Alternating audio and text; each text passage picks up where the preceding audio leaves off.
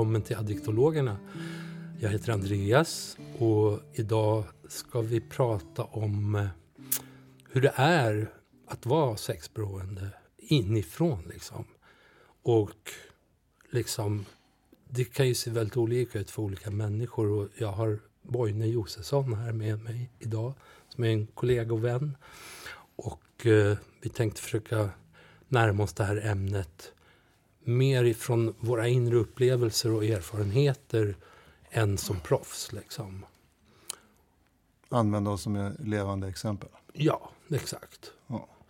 Och, och vi liksom, för det är också det här med att som sexberoende, eller jag skulle börja säga så här, välkommen Boine, kul att du är här. ja, tack. och jag tänkte, jag tänkte, vad jag tänkte säga var att alltså, när man är aktiv och i det så så försvarar man ju relationen till sexuella upplevelser och känner sig oftast, eller jag gjorde, liksom unikt galen snarare än att jag kunde dela de här erfarenheterna och upplevelserna med någon annan. Utan hade liksom en, jag var ju mer, jag hade en fasad och ett sätt att vara utåt. Sen hade jag det här i, i doldskap liksom och gömde och och, och, det var ju inget jag pratade med någon om. Och, och innan jag liksom närmade mig och förstod att jag hade ett problem. Istället för att jag trodde att jag var galen typ.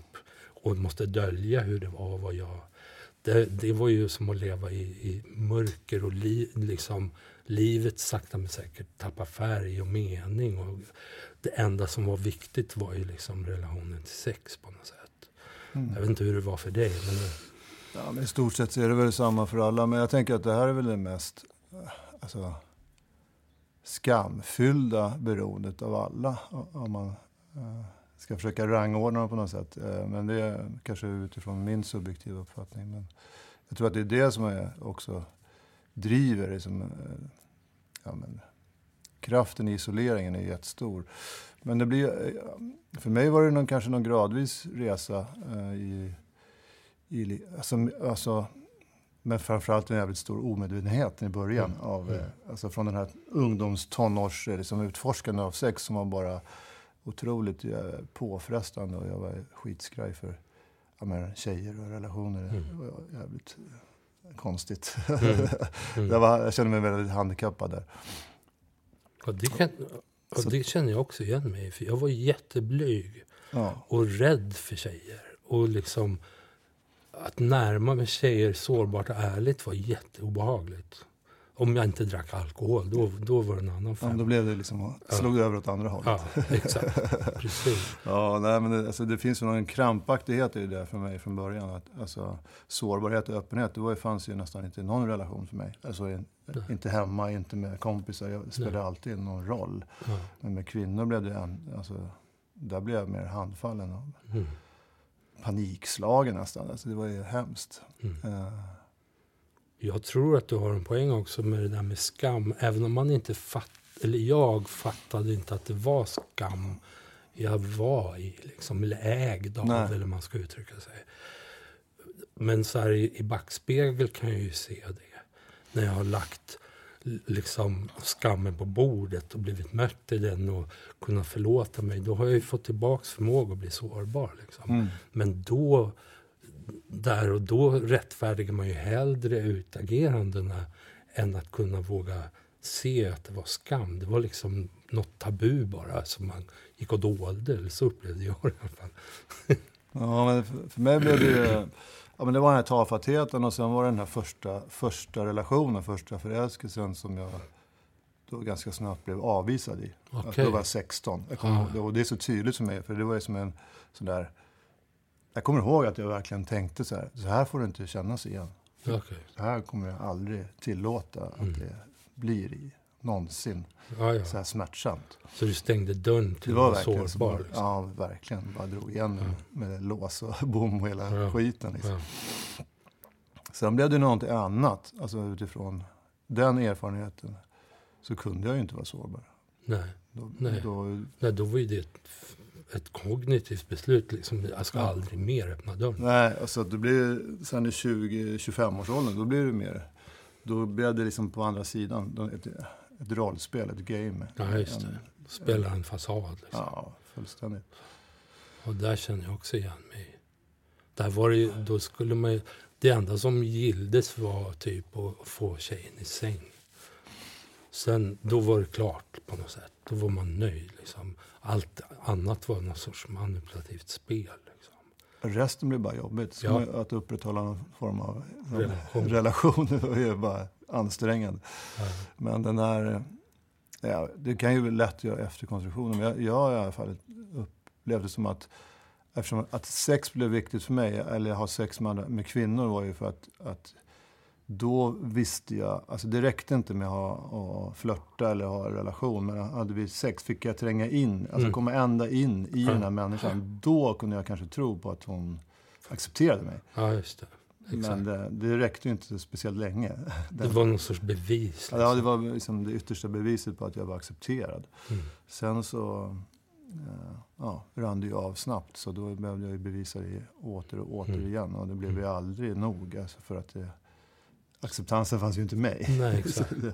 så, att, eh, Så någonstans, och jag känner igen mig i det också, så är det ju liksom ett behov av existensrätt i någon sorts bekräftelsemening liksom, som man jagar hela tiden. mm, Jag, jag finns när jag får till det sexuellt. Då blir jag bekräftad av kvinnan. Liksom. Då duger jag i tio sekunder. Sen Ja. måste jag ut och jaga igen. För jag kan inte stå för det själv. Jag kan inte vara den åt mig själv. Liksom. Jag behöver det utifrån. Fast det ser man ju inte där och då. Nej, då var det ju verkligen alltså, inte... Fanns ju ingen insikt i mig.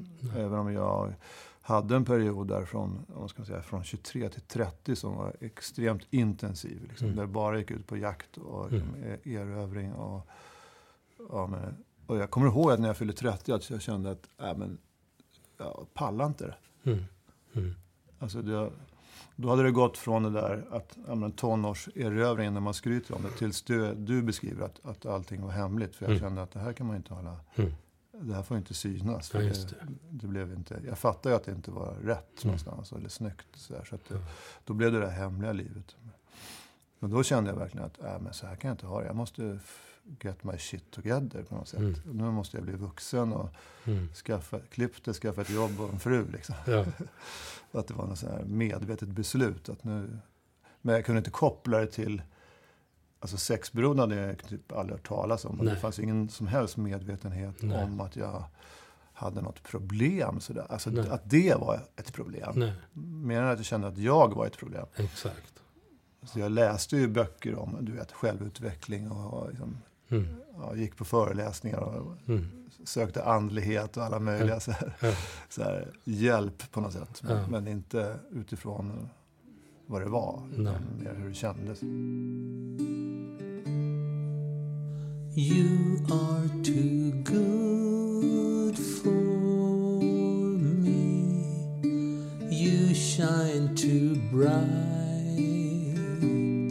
You see my secrets and fears don't belong in your magical, beautiful song. Hur kom du fram till att det var ett problem? Liksom? Kommer du ihåg det? Det finns ju en stark förnekelse i det här. Jag vet att jag blev frontad av, av en del kompisar Mm. eh, som ja, men, tyckte inte att jag betedde mig speciellt schysst Mm. mot tjejer eller i relationer. Ja. Men den var som att den... Alltså, Mm. det gick inte att ta in för Nej. mig då. Ehm, utan det krävdes ju liksom en fullständig krasch ganska långt senare. Jag, vid 30 års ålder bestämde jag mig för att liksom, ja, men, skärpa till Get mig. your shit together, Ja. som du sa. Så jag gifte mig då, två år senare. Okej. Och bestämde mig eh, verkligen så här stenhårt. Nu ska jag inte vara otrogen. Ja. För det hade jag, i, dittills hade jag inte lyckats vara Nej. det någon gång. Och eh, ja, men med, vad man säger, nykter med vita knogar. Alltså jag Ja. Verkligen bestämde det och eh, konsekvensen blev istället att jag, jag liksom blev manisk i att jobba. Okej, Så jag jobbade, jobbade, jobbade, du bytte bekräftelse grej liksom. Ja, och det får man inte lika mycket negativa konsekvenser för. Men, men i mitt inre så var det ju full, samma kaos. Och det var ju oerhört utmanande var den här relationen. Och min självkänsla räckte ju bara till när jag presterade och bara när jag liksom... Så jag studsade ju omkring i den där boll, alltså i den här, Mm. I den här relationen. Att det inte Mm. blev någon otrohet förrän 12 år senare. Det var ju bara mer tillfälligheter än, än liksom... Okej. Så, Men det var ju bara en tidsfråga, det kunde jag ju se efteråt Ja. nu, innan det skulle liksom fallera. Men, men det tog sig andra uttryck då. Liksom, då hittade jag kanske mer porr. Ja. Eh, jobba som fan och jag försökte liksom Och du höll dig i schack på olika sätt. Mm. Liksom. hitta metoder på något sätt att de, ja, men trycka ner här Ja. känslan av, av att inte räcka till, inte duga, inte vara, Ja. inte vara jag. För det, det är som är dubbelheten i, i det här, det är ju att i relationerna så försvann jag. Mm. Alltså jag, jag anpa- överanpassade mig Ja, så, att jag, jag blev liksom kameleont i alla mina relationer. Och så har det varit i alla relationer med alla kvinnor. Att jag liksom, uh, Förlorade dig i viet. jag finns inte som person. Utan Nej, jag finns det. som uh, co Ja. assistance. Ja. Hur har vi det idag älskling? Ja, hur, får, hur får jag finnas? ja, det har ju varit verkligen markant också. Det såg jag inte heller då. nej. Men, det, det var ju liksom utgångsläget. Och sen när det blev för jobbigt, då, då slog jag mig ut därifrån. Eller jag hittade liksom... Ett sätt att hitta energi var ju att vara, gå in i fantasier och relationer och, och den här världen som var min och hemlig. Liksom. Ja, Som du berättade om, den, den var ju jättestark. Här, att jag hade liksom ett eget rum där jag kunde operera. ja. Och där kände jag ju kraft och men, driv och identitet. Alltså jag kände mig jävligt stark. Ja, ja. Kom, jag blir nyfiken på en grej. Kommer du ihåg när du blev frontad av kompisar och det du beskrev förut? Hur, och, och det liksom du inte kunde ta det på allvar eller liksom se det. Kommer du ihåg hur du tänkte och förhöll dig till vad de sa? Eller hur du liksom rättfärdigade eller hur du förhöll dig från, från det hållet? Liksom? Ja, kan du säga? Ja, jag kommer ihåg, ja, absolut. För det var ju ganska starkt. Och det, varför det blev starkt var ju för att jag skämdes som fan. ja, Alltså skammen kom ju Ja. rakt över mig. ja, jag förstår. För att de hade sett det. här. Ja, jag trodde ju okej. att det, att det inte syntes. Liksom. Nej, okej. Så att, och då hamnade jag ju direkt i försvarsposition. Det, var ju, okej. det fick ju inte existera. Eller, det fick ju inte vara sant. Liksom. Nej. Kommer du ihåg hur du tänkte då, eller vad du sa? Hur du uttryckte dig? Ja, jag försökte ju bara minimera och rättfärdiga och Okej. hitta på ah, mot Ja. Ja, ja, Alltså på några andra exempel. Eller, ja. Ja. Men det sved ju, för jag hade ju massa... Och då visste jag att de inte visste hälften. Alltså inte ens... Exakt. Mm, 10 procent. Ja. Inte, de hade sett en glimt precis. av ett stort universum. Isberg, ja. Exakt. Ja, Så det, var, det kommer jag ihåg. Det var jävligt påfrestande. Men det gav i alla fall ingen insikt. Nej, nej, och det, det gav inte heller någon, något ska man säga, incitament till förändring. Bara att vara mer försiktig, mer hemlig. Mm. liksom. Ja, För att, exakt. för ja. att, för att det får ju inte bli avslöjat. Det är Nej. för skamligt och det är för fel och Ja. allt möjligt. Liksom. så att, eh, ja. Mm. Ja, jag känner igen det här. Min resa såg ju lite... Jag, jag, jag, mellan kanske 18 och 22 så... Alltså en, ja, det tog slut. Jag hade en, en relation i tre år med en tjej. Eller fyra år till och med kanske det var. Ja, sex, 17 till 21. Jag kommer inte exakt ihåg tiden. Men där, efter den relationen då, då hade jag en sorts mantra att jag vill inte vara bunden i en relation. Och, och så sa jag till, till tjejer, jag gillar dig men jag vill inte sitta vara bunden i ett vi. För jag har varit inne i en lång relation, jag måste få vara jag ett tag. Liksom. Och, så här. och då, i det rättfärdigade jag liksom att ha fyra, fem tjejer parallellt liksom, hela tiden. Och, och i mitt sinne så upplevde jag mig som ärlig. För jag sa som det var. Liksom. Fast egentligen var jag på flykt från mig själv och från min egen... Liksom, för jag känner igen mig i det här att det sexuella, det var det enda sättet att få någon sorts existensrätt. Eller syre i min isolering. Liksom.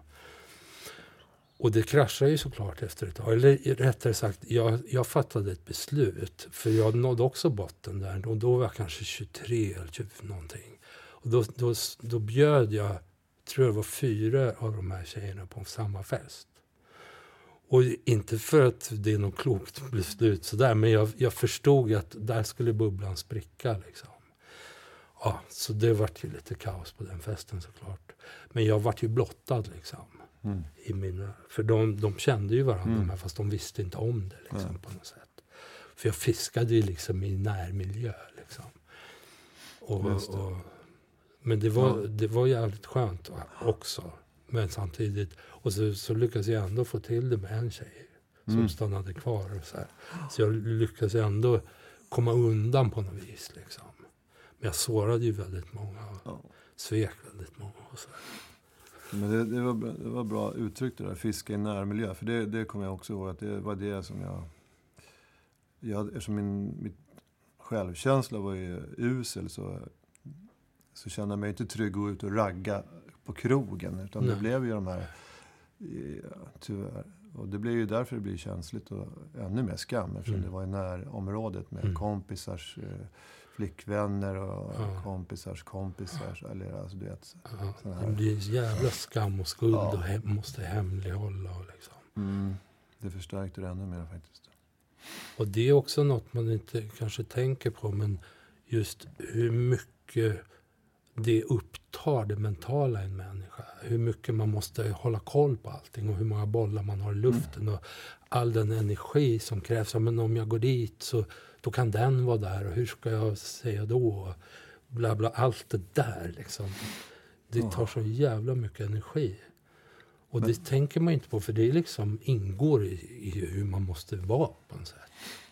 Ja, men jag, tänker bara att så, där vi kommer ifrån så är det. Liksom, sätt. Den här känslan av att vara ensam i universum, ensam, eh, den har ju följt med mig ända sedan jag var liten. Så jag hade ju inget annat koncept. Nej, Det, det fanns inget att jämföra med, Mm. med att vara öd, alltså öppen och ärlig.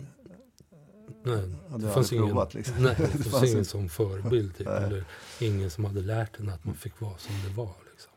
Och, eh, så det, och det går ju igen liksom, i hela sjukdomsbegreppet, tänker jag. Som du, alla de här aspekterna. Att det, ja, men, förmåga till insikt är... Vad ska jag relatera till? Ja, visst, man har ju ingen att jämföra med. Man har ju ingen referensram som är sund. Liksom. Så det är ju som det är. Mm. Och det, det är inte för att vi ska hoppa så långt in i behandling och sånt där. Men om man bara en kort beskrivning från professionella hållet. Liksom, så ser man ju... Det, alltså, de flesta som kommer in i behandling de har ju noll medvetenhet om att de har liksom varit ensamma eller isolerade under sin uppväxt. Men däremot en bit in och senare i behandling, då börjar man se det. För då börjar man få andra facetter, andras ögon på, på sin egen resa. Och då först kan man se och ha något att jämföra med. Liksom. Mm. Innan, alltså, det är ungefär som det var någon som pratade om häromdagen. Om man växer upp och allting är, är lila. Och sen, då är det ju så det är. Liksom. Mm. Alla sängöverkast och gardiner och kläder och allting. Så flyttar man hemifrån och, och, och så har någon gröna gardiner. Liksom, Mm. Vad fan är det här? Så man vet, det är så det är bara. Mm. Det, liksom. det är svårt då. Men det är, ju, det är ju utifrån och när man har en backspegel att se i. Vi ska ju försöka förhålla oss där, där man är. Liksom. Det är där vi är. Mm. Beskriver. Nu, nu lämnade jag bara det lite Ja. snabbt. Ja, men det där med relationer, det är det, det är där det är någonting. The person you see when you're looking at me must be someone else. It's a painting of my face. Don't you see? No, you don't see. Får jag smita in? Ja, kom närmare så du hörs. Linda Nej, men, brukar ju stoppa in huvudet här. Ja, och jag har svårt att hålla mig nu. För Varsågod. Jag, är ju, jag har ju också liksom erfarenhet av det här, fast från ett annat perspektiv Ja. och som anhörig. Och det slår mig nu när jag hör båda era historier och hur ni beskriver utifrån ensamhet och isolering och, och smärta liksom, och, och försöka överleva det och hitta någonting annat. Mm.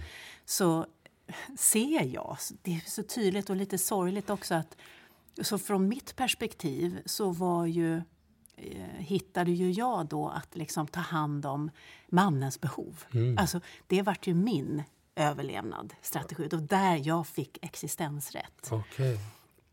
Och, hur, och och också utifrån ensamhet och, och liksom tuffa, tuffa det. situationer. Och hur då min partner och jag, hur vi, det var så passar varandra som handen i handsken.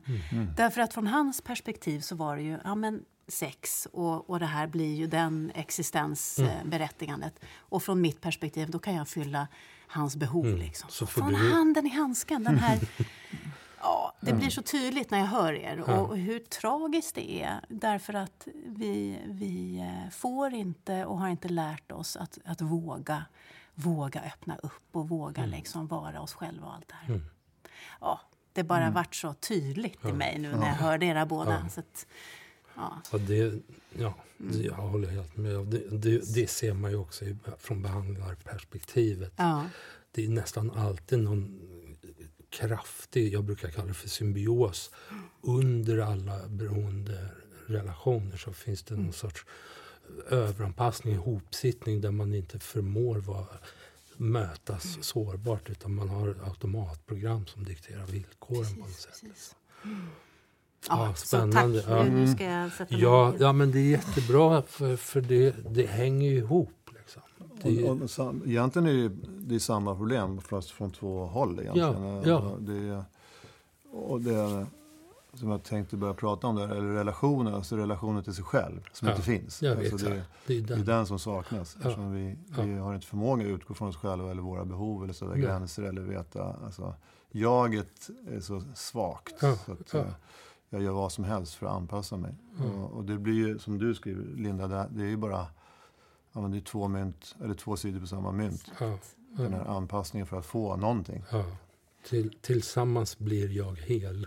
Ja, ja. Och jag finns inte utan min anpassning till dig. Liksom. Så att då, och, och det är så mycket lättare att ha, att bygga upp en relation till någonting som inte är hotfullt. Alltså, Mm. Mm.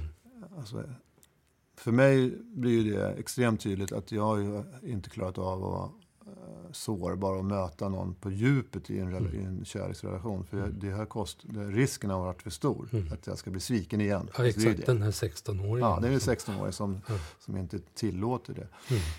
Men att gå in i, liksom i, men att, i fantasier eller eh, spekulationer och manipulationer och rigga för andra relationer eller tillfälliga relationer, tillfälliga möten eller, eller vara på nätet. det- är ju helt riskfritt. Ja, Alltså känslomässigt. exakt. Det Men det ger mig, men det ger mig kraft på något sätt. Energi, jag känner mig levande, det är spännande, det är som är, ja, men det, det Ja. gnistrar och glimmar där. ja, jag, får, man får bli jag känner mig levande. Exakt, exakt. Men i en relation har jag un, har stoppat undan mig själv så jag känner, mig, jag känner ingenting. Nej. Jag känner mig bara Ja, oftast jävligt trängd. Liksom. ja. Och, och otillräcklig och allt möjligt. Ja. Och det är den oförmågan att jag inte, det har jag ju förstått nu och sett nu att, att jag inte kan stå upp för mig själv. Eller, Mm. Mm. jag kan inte göra min röst hörd i relationen. Eller Nej. vågar inte visa mig vem jag är. Ja. För rädslan är för stor att Ja. bli avvisad. Det är, ju-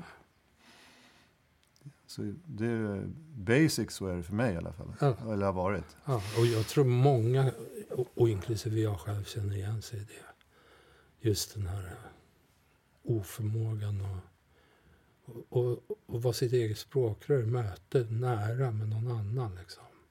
Utan att överanpassningen tar över och så känner man sig snarare ihålig och utdränerad. Och, och det där upplever jag också som att det finns en sorts gradvis avveckling av i viet och då, då blir liksom det blir mera dysfunktionellt från utagerande håll och mer desperation från omgivningshåll. Liksom. Och sen till slut kraschar det. Liksom. Mm. För det, det finns ett naturligt behov av att båda är ärliga och förärligas. Alltså det går inte att komma runt det heller. Så att, alltså utifrån ett både negativt och positivt sätt så, så kraschar alla självövergivande själv, alltså överlevnadsstrategier förr eller senare. Liksom. För att Mm. man vill mötas också. Ja. Man måste få vara som det är. Man kommer liksom inte runt det. Nej, det är ju en inre längtan som, som alla bär tror jag. Ja. Att vi ska. Och det här, det här beslutet som du fattade när du var 16, det kan ju ha fattats när man är tre. Det kan, ha fattats, Ja. det kan ju ja. vara vad som helst som har fått en människa att, att ge upp och vara relationell. Mm. Jag vet ju många som, som börjar liksom typ onanera när de är fem Mm. som smärtlindring. Ja. Och så är det lite tröstäta, sno havregryn eller whatever. Mm. Och gömma och börja skämmas för man vet någonstans att det är fel. Alltså, men det blir viktigare för att det finns ändå ingen där. Man litar inte på relationer. Och det kan se så olika ut och, till och med vara så att man inte ens kommer ihåg det. Beslutet liksom. Precis, jag, så är det så det är. Men Nu tog jag det här med 16 år eftersom då det, Ja, det är så jag- starkt i mitt minne fortfarande. Ja, men det jag- finns ju, jag har ju naturligtvis rotat. Det finns ju massa Bakom det. Eller? förluster Ja. i form av olika saker när man var yngre. Och, och det ser vi också i behandlingsgrupperna. Det är, de flesta kommer ju dit med ganska lycklig barndom. Mm. Inom citationstecken. För att vi, vi har valt att inte komma ihåg hur det var. Ja. Och känna in det. För Ja. det, det är oftast lite, eller ganska mycket smärtsamt i det. Ja. Jag vet att, eller det, min känsla av, av, för min, i min uppväxt var ju ensamhet. Alltså Mm. det, det är den rubriken jag skulle sätta på min barndom. Att Mm. det kändes ensamt. Mm. Sen kan jag inte pinpointa, alltså det var inte ett tillfälle utan det här var ju liksom ett tillstånd som var bara. Mm. Eh, Och det kan ju vara olika tillstånd i olika familjer. Men i vår familj så var det så. Det var tyst, man pratade inte om saker. Och det fanns en, liksom en tyngd av, av liksom skam eller religiositet som låg som en filt över allting. Alltså att, Okej. att, att så skam var liksom en... Ja, men den var ständigt närvarande. Det, det fanns fel och det fanns rätt. Det Mm. fanns väldigt mycket fel. Ja, ja, ja, fattar. Och det blir liksom hur, hur jag får vara blir liksom någon sorts ja, men, minfält. Liksom. Man får inte vara som man vill eller behöver utan man måste anpassa sig efter den här skamfilten. Eller man ska säga. Det som är fel och rätt. Och det finns mycket villkor i hur man måste få Extremt finna. mycket villkor. Och gå, det är som du säger, det är ett minfält. Då måste man ju också väldigt kontrollera sig själv Ja, ja, som visst. barn. För Ja, att ja. jag ska kunna manövrera i det här. Absolut. Att, eh, den gång jag, det jag får kärlek det är när jag gör rätt eller jag är bra. Liksom. Ja, exakt. Du får bara bekräftelse. Då. Du får bara finnas på ett visst sätt. Liksom. Ja.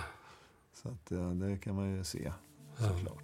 I don't know who you in me really are. I don't know the I in you really am. I don't know who the you in me really are. But I know I have to choose.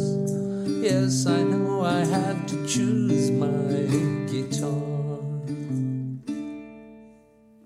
Sen när man liksom... Ja, när, när det börjar krascha eller man får sådana konsekvenser som man tvingas göra något. Mm. Hur var det för dig i det? Liksom? Ja, men om vi snabbspolar lite grann då, så, så var jag, jag gifte mig då och det höll som sagt var i 12 år ja, Mm. med liksom vilja och arbetsnarkomani och lite alkohol och andra saker. Mm. Men sen så höll det inte längre. Eh, Nej. Och i den kraschen, och, som också resulterade i en skilsmässa, så, så då föll jag ganska kraftigt ner Mm. i det här, de här beteendena. Alltså Mm. det, det var inte som en avgrund som öppnades, men det var ju verkligen så att det var det bara det som fanns. Mm. Det var det jag kunde relatera till. Mm. Så det blev, det blev väldigt... Liksom, Alltså det blir mer tvångsmässigt? då var det mer tvångsmässigt. Det var mer så att säga det, det redskapen jag hade. Ja, just det. Självomsorgsredskap. Ja, Ja, jag förstår. så i de nästföljande åren där var ju... Ja, men när jag tittar tillbaks på det så ser det, känns det väldigt så här, mm, tungt liksom, och ensamt. Ja. Men, eh, men i min hjärna då var det ju mer så här att ja, men nu är jag fri. ja, just det. Nu kan Äntligen. jag göra vad jag vill. Ja, nu ska jag ta igen. Fri, ja, men lite så. Alltså den, den känslan att nu jävlar. Mm. Och då var det ju som du beskrev, alltså det var ju parallella relationer. Och, och jag använde ungefär samma metod som du sa. Jag är fri och jag, bara jag uttrycker det så att jag Mm. Så är det okej. liksom. Ja. Men det, det går, fungerar ju inte så. Alltså, för dels är jag, var jag inte 100% ärlig och dels så, så sårar vi sårar ju människor. Ja. Genom att ha falska förespeglingar och liksom ja. ja. rigga Ja. saker och ting. Så det, Oärlighet är ju, alltså, jag, min erfarenhet både i mig själv och som behandlare, det är ju väldigt nära förknippat med, med all beroendesjukdom. Att man måste ju ljuga på olika sätt. mm. För liksom putsa lite på fasaden hela tiden. Och det, det är också automatiserat. Och det tar ganska lång tid att upphöra med. Liksom. Men det sitter djupt Det i sitter en. jättedjupt. För, det, för mig har det funnits med hela tiden. I- Även i relationer, när jag inte är otrogen, så ljuger jag om mig själv. För Mm. att jag ska anpassa mig, för att Ja. jag ska fungera. Exakt. Jag fick ju vara lite bättre Ja. pappa, lite bättre make, lite bättre på trädgårdsarbete. Eller vad fan som helst. Ja. Men jag Ja. ljuger ju egentligen. För ja, jag, jag ljuger om att när jag ska komma hem eller om jag har glömt att handla. Eller, alltså, Mm. för att jag vill inte bli kritiserad. Jag Ja, klarar inte av att bli kritiserad. Jag klarar inte av att, bli, att vara, känna mig dålig. Så Nej. att jag ljuger om allt nästan. Ja. ja, man klarar inte av att, att finnas som det är. Nej. Helt enkelt. För man, det är så viktigt att putsa på fasaden. Liksom. Ja. Och det, för, för mig var det så att på slutet så upplevde jag att, att jag liksom tappade kontakt med meningen med livet. För fasadbygget var liksom det som upptog allt på något sätt. Mm. Och det vart liksom hopplöst. Helt grått liksom. Mm. Och, och jag kommer ihåg...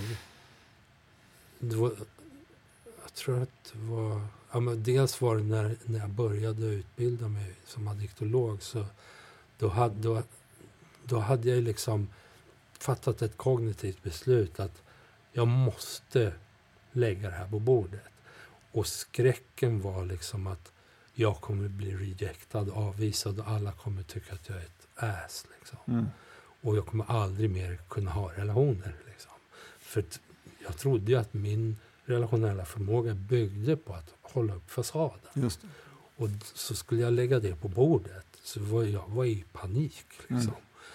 Men det höll ju. Men fan vad obehagligt det är. Liksom. Den, Mm. Ja, det är som att stå naken.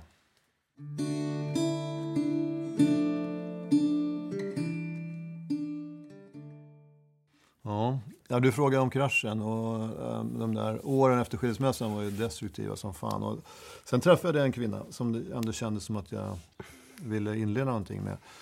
Och, eh, men jag, kunde ju, jag hade ju min oförmåga var att avsluta de andra, alla lösa trådar, alla förbindelser. Så att jag, eh, även fast jag hade som en önskan, en tanke om det, hade jag, så tog det liksom... Eh, för i, det här, så, i den här dubbelheten i mig så, så finns ju också en oförmåga att säga nej. Alltså, Mm. Mm. jag kunde inte säga nej. Eller har väldigt svårt att säga nej till kvinnor och Ja. kvinnors behov. Och kvinnor som gråter, eller alltså kvinnor som är arga. Eller Ja. bara, "Åh, jag lovar vad som helst. Så jag kunde liksom inte, förmådde mig inte riktigt att klippa det där. Och du var då, så dum. ja. Även, så då eh, så blev jag upptäckt Mm. av, av den här kvinnan som jag ville ha, som jag ville leva med. Mm. Och, och det blev ju... Och det var hon som sa, du är sjuk. Eh, eller du är... Ja, men hon hade ju... Till, saken hör att hon hade ju funnits i, i min... Alltså mitt... Ja, vi har varit vänner en längre tid, så hon har ju sett mina beteenden. Så det var Ja. inte, var inte nytt. Liksom. Nej. Men så hon kunde ju se det. Så det var ju pistolen mot pannan. Nu söker du behandling, annars är det hej då. Det var inget... Men jag tyckte att hon... ö- Jag tyckte att det var jobbigt som fan. Jag skämdes som fan. Men jag tyckte att hon överdrev Mm. problemet. Och att jag skulle vara, ha någon liksom, något missbruk. Det kunde jag verkligen inte relatera till. Nej. Men jag tänkte att jag går den där kursen så jag får det här diplomet. Så blir det lugnt liksom, hemma. Det var så jag tänkte faktiskt. Ja, ja. Ja. Kursen, var det fund då eller var det addiktolog? Nej, men det då, då gick jag... Då kom jag till en klinik som jobbar med sexberoende. Och, och, ja, Ja, där var väl där vi träffades. det var ju, där jobbar ju du då. Ja, Precis, det var första gången vi ja sågs. Ja, exakt. Ja. Det var ganska länge sedan. ja, det är väl 12-13 år sedan. Ja, ja.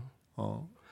ja, Ja, men det var lite fascinerande för jag, kände, jag tyckte ju, alltså ordet sexmissbrukare är ganska liksom stigmatiserande. Ja, det är väldigt svårt att ta till sig det ja, begreppet. ja. Och Jag, jag hade nog hälarna i backen lite grann, ganska Mm. länge. Egentligen. Och som väldigt många. Ja. Alltså förnekelse, vikt, alltså anknytningen till sexuella upplevelser är ju väldigt stark. Den, Mm. det är den som har räddat livet på en Mm. från den här ensamheten och isoleringen. Ja. Liksom. Så att det är inte konstigt att man spjärnar emot Nej, lite. Nej, men eh, det, ändå så gick det ju liksom inte att värja sig lite grann. I den här gruppen så fick man ju så mycket liksom, vittnesmål om människor som kände samma sak, upplevde samma saker, hade samma liksom, förhållningssätt. Så att igenkänningsfaktorn blev lite för stor Mm. att värja sig totalt sett. Ja. Men det, det fanns ju en ganska lång liksom, period av ifrågasättande liksom, eller minimerande. Kommer jag ihåg. Ja. Men framförallt eh, eftersom jag försökte göra det hemma också. Minimera skadorna, eller Ja. minimera effekterna eller minimera betydelsen av det här. Ja. Men det satte sig på sin spets vet jag när hon, när hon hotade att lämna mig ändå. Ja. Efter ungefär ett halvår så sa hon, så, för den här relationen var ju extremt kraschad. ja. Eh, Så då skulle hon lämna mig. Och då, fick jag ju, då var jag ju tvungen att bestämma själv. Mm. Hur skulle jag göra nu? Liksom. Ja, just det. Vem- Göra det för din skull i Ja. så fall, inte för viet. Så att det, var ju, det kan jag säga, det var en sån turning point när jag tittar tillbaka. Så att då var jag tvungen att ta ett beslut att jag ville göra någonting annat Mm. med mitt liv. Liksom. Ja. Jag ville ha ett annat liv, eller jag ville göra någonting Ja. för mig själv. Och det var extremt kraftfullt. Och det där, det där jag ty- det känns jätteviktigt att det kommer upp. För de, de flesta som kommer in, om man nu ska se det från behandlarhållet, men även från egen upplevelse, liksom har ju med sig ganska mycket så kallad förnekelse i behandlingsvärlden. Liksom. Eller sätt att, att rättfärdiga, förklara bort, minimera, flytta fokus. Alla de här grejerna som man gör för att Mm. slippa se hur, hur viktig den här relationen är för en. Liksom. Och den, den nöts sig liksom gradvis ner i, i, initialt i behandling, men redan när man kraschar och har partners och allt möjligt. Och sen tills man till sist börjar kunna göra behandling för sin egen skull. Just. Och där kommer ju den här turning pointen som Mm. du säger. Liksom. Men det är viktigt att det, det blir uttryckt, för det är inte det är helt naturligt i min värld. Alla, alla överlever ju liksom på sitt sätt och upplever sig ha rätt i det. Det är ju, det är annars dör man ju typ. Man vet ju inte något Nej, annat. nej. Liksom. Ja, det är mycket förlust och mycket sorg i det. Ja, ja, ja. För att, eh, och framförallt sex tänker jag, för det är ju ändå så här ingrediens i livet som, som på något sätt ska finnas där. Men, men i, Mm. i min värld så hade den ju fått extremt stor betydelse. Och Mm. så ska jag liksom, Mm. Men ska jag förlora hela den här världen eller hela det här liksom spektrumet av, av, av energi och färger och liksom spänning. Och, men det blir ingenting kvar. Nej. Kontra att, att börja öppna upp mitt hjärta och börja möta och vara ärlig och sårbar. Det är ju asläskigt. Ja, ja, ja. och så har du ingen medicin eller ingen tröst. Nej, exakt. Alltså, Ingen det- snuttefilt liksom. Nej, det, är, det är extremt påfrestande Mm. eh, perioder. Ja. Att, att som, Men också nödvändig om man vill ta sig igenom och ut på andra sidan. Ja, för sen, för sen så händer det ju någonting. Alltså det blir ju någon typ, det är ungefär som en liten grodd som man har planterat. Mm. Först är det jävligt mörkt för det är under jorden. Ja, så det känns jävligt läskigt. Men Ja. sen så börjar den här lilla grodden liksom börja spira lite grann. Mm. Och så börjar, jag kommer ihåg, det här låter ju kanske lite löjligt, men jag kommer ihåg den första våren jag, eh, efter, alltså som jag var i behandling då, så, Mm. så upplevde jag liksom världen på ett annat sätt. Mm. Verkligen. Jag Ja. hörde fåglarna, jag såg Ja. solen, jag kände värme, alltså jag Jag- kände jag vet, grejer Ja, i livet som, som jag inte hade, som jag hade stängt av. ja, Det det var är så häftigt. Fantastiskt. Ja. Ja, det, det där är det, det är på gränsen till magi. Ja. Alltså, fast det är ju inte det. Det är ju logiskt, men det är ändå, upplevelsen är helt grym. När färger kommer tillbaks och ljud. Ja. Och man, man, det finns en relationell mening med sin existens. Liksom. Och man får vara sig själv.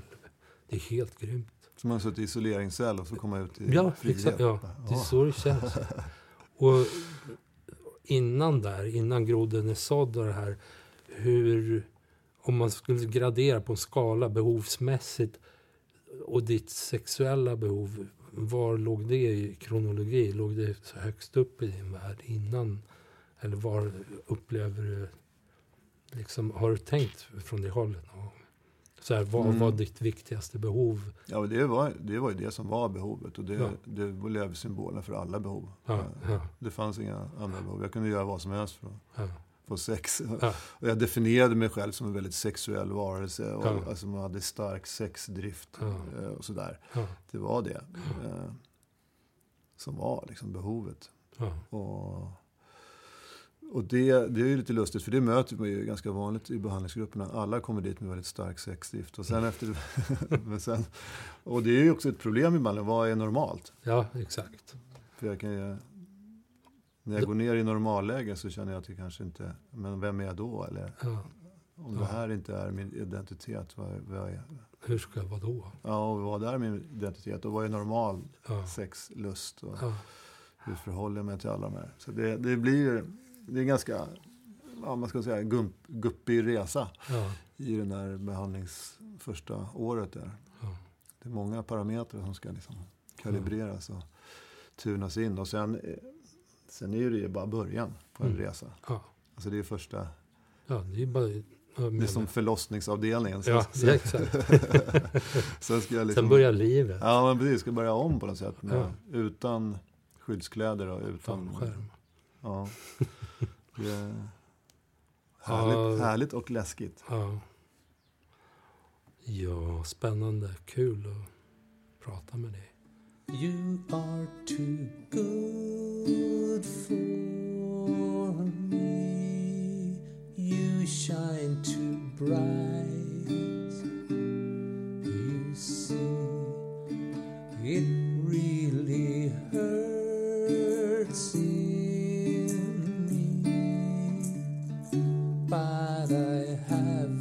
set you free.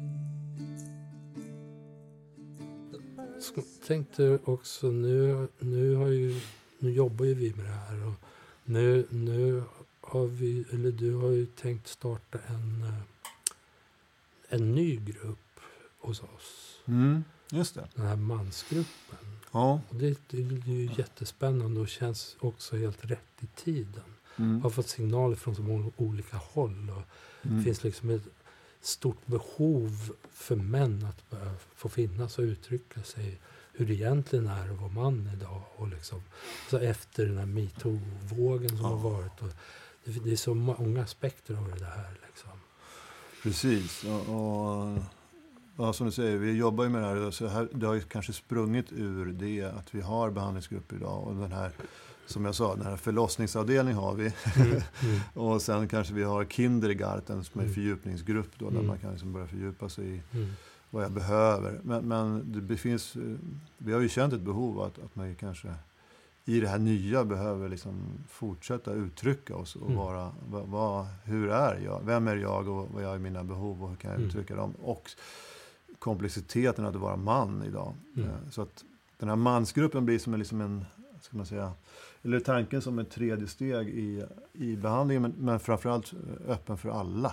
mm. För att vi upplever ju den här, den här isoleringen är ju inte bara kopplad till sjukdom och beroende. Nej. Det, det är som en manlig åkomma nästan. Mm. Att vi är som isolerade öar. Och, Vi pratar inte känslor. Liksom. ja, men vi får ju inte lära oss det. Vi har Nej. inte de, det är inte naturligt. Och Nej. vi har ju nästan inga forum. Nej. Eller, de flesta har inget forum där jag kan prata på ett djupt plan. Eller den här ärligheten som vi pratar om. Ja, Vem kan jag vara helt ärlig med? ja, exakt. Hur många sådana män har jag i mitt liv? Ja. Hur många vet egentligen hur det är att vara jag? Ja. Hur många vågar jag säga det till? Liksom. Så att, eh, ja. Ja, det, det ska bli spännande att utveckla den här delen. Mm. Och där som sagt är alla välkomna. Det är, inte, det är ingen behandling utan Nej. det här är som en forum för, Ja. för, Ja, fan vad cool. för män. Ja, Ja. ja, det ska bli spännande. Mm. Okej, ska vi knyta ihop säcken? Har du något du vill tillägga, Linda? Eller? Mm. Eh, nej men eh, fint, öppet och, och sårbart och spännande att lyssna på, på er. Eh, och hoppfullt med den här mansgruppen. Mm. Eh, och jag tror att det är det vi behöver. Det behövs ju kvinnogrupper också, känner jag. Och vi Ja. behöver kanske till och med ha forum där vi blandar könen Ja. på sikt. Men det kanske kommer i en eh, ytterligare en version framåt när vi är mogna att ta det steget. Mm. Ja, vi har ju de här parhelgerna. Mm, precis. Sådana grejer. Men, men absolut, jag håller med. Pargrupp. Mm, ja. Helt grymt. ja, Så, det finns så mycket att göra på den här finns mycket, planeten. ja, verkligen. Och det är härligt att få vara delaktig och faktiskt jobba med de här grejerna. Ja. Så, Ja. Kul Boine. ja, Tack men tack själv. Ja, Andreas. tack, tack för att du ville vara med. Mm. Härligt. Och tack alla ni som har lyssnat också. Så på återhörande. Ja. Hurts in me, but I have to set you free. The person I see when I'm looking at you must be someone else. The picture I hold front of your face. Is